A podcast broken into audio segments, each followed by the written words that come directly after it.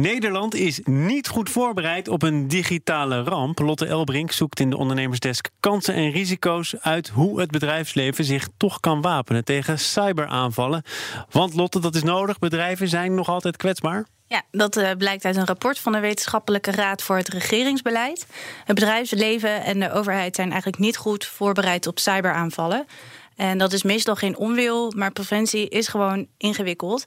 En daardoor weten bedrijven meestal niet zo goed waar ze moeten beginnen.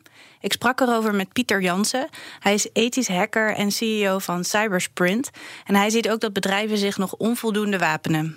Ik zie dat bedrijven niet goed zijn voorbereid op cyberaanvallen. En dat is eigenlijk ook een beetje logisch. Want als ondernemer wil je eigenlijk gewoon alleen maar met je eigen business bezig zijn. En je eigen domein. Daar heb je specifieke kennis voor ontwikkeld om jouw werk te kunnen doen binnen jouw vakgebied. Daar ben je het best in. En cybersecurity vraagt een specialisme op zich. Ja, en daarnaast is volgens hem geld vaak ook een issue. Investeren in digitale veiligheid vergelijkt hij eigenlijk met het plakken van pleisters. Dat doe je liever niet, want je hebt het probleem ook liever niet. Dus ben je slecht voorbereid en dat heeft de nodige gevolgen. Welke dan? Eh, Jansen ziet dus dat bedrijven in allerlei vormen van cybercrime trappen. Door zwakke wachtwoorden weten aanvallers bijvoorbeeld in e-mailsystemen te komen of medewerkers trappen in CEO-fraude. Dan denkt iemand dat de CEO via mail de opdracht geeft om een grote som geld over te maken. Maar in werkelijkheid zit daar dan een crimineel achter en niet de CEO. Dat kan zelfs nog een stap verder gaan. In ergere gevallen waarbij het gaat om meer dan financiële schade, moet je ook denken aan aanvallers die zelden netwerken van dat soort ondernemers eh, binnendringen. En op die manier data stelen en verkopen aan concurrenten. Eh, of data vernietigen. Ehm, en als ze niet snel genoeg reageren op een eh, verzoek om losgeld te betalen, dan wordt die data ook echt vernietigd. Data, losgeld en CEO-fraude komt inderdaad veel voor. Pathé is een bekend voorbeeld, maar dit gaat dus nog een stapje verder over het binnendringen van organisaties door cybercriminelen. Hoe komt dat dan? Hoe doen ze dat? Ja, dat vroeg ik mij ook af. Ze komen in ieder geval niet door de voordeur. Uh, Jansen zegt er het volgende over. Cybercriminelen proberen bedrijf binnen te komen. Vaak niet door de voordeur, want die wordt goed in de gaten gehouden. Ik heb zelf als ethisch hacker de afgelopen 15 jaar ook heel veel cyberaanvallen in opdracht uh, uitgevoerd. Altijd op de legale manier. Maar ik ging nooit voor de voordeur. Er stond altijd ergens een achterdeurtje open. Uh, in een systeem wat per ongeluk online was gezet.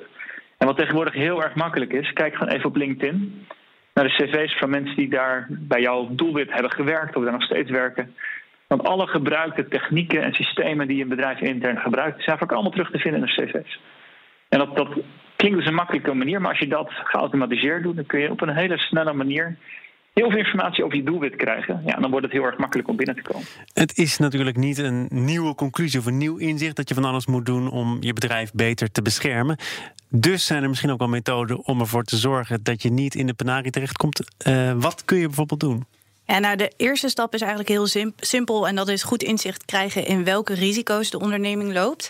Uh, op het gebied van cybersecurity zijn dat er nogal wat. En situaties voelen vaak wat ongrijpbaar. Dus het is wel aan te raden om een specialist in te schakelen. Daarnaast is het belangrijk om backups van systemen te maken uh, en bijvoorbeeld nep-aanvallen te oefenen. Dan ligt daar zodra sprake is van een echte aanval een draaiboek klaar. En wat ook kan helpen is dat bedrijven meer kennis gaan delen en gaan samenwerken met vakgenoten. Met name het kennis delen is een, een belangrijk onderdeel, want als één bedrijf binnen een sector last heeft van een specifieke cyberaanval, nou, is de kans heel groot dat ze het even later bij de buren gaan proberen.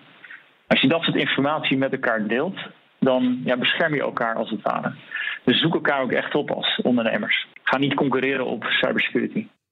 En naast samenwerken en inzicht krijgen is het ook eigenlijk een kwestie van gezond verstand. Oh. Vraag de CEO via mail om geld over te maken en je vertrouwt het niet.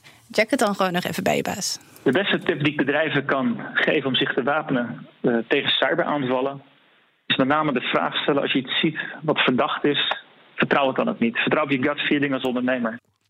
Dankjewel Lotte. Uh, en natuurlijk ook deze expert voor alle tips als het gaat over cybercriminaliteit en het bestrijden daarvan.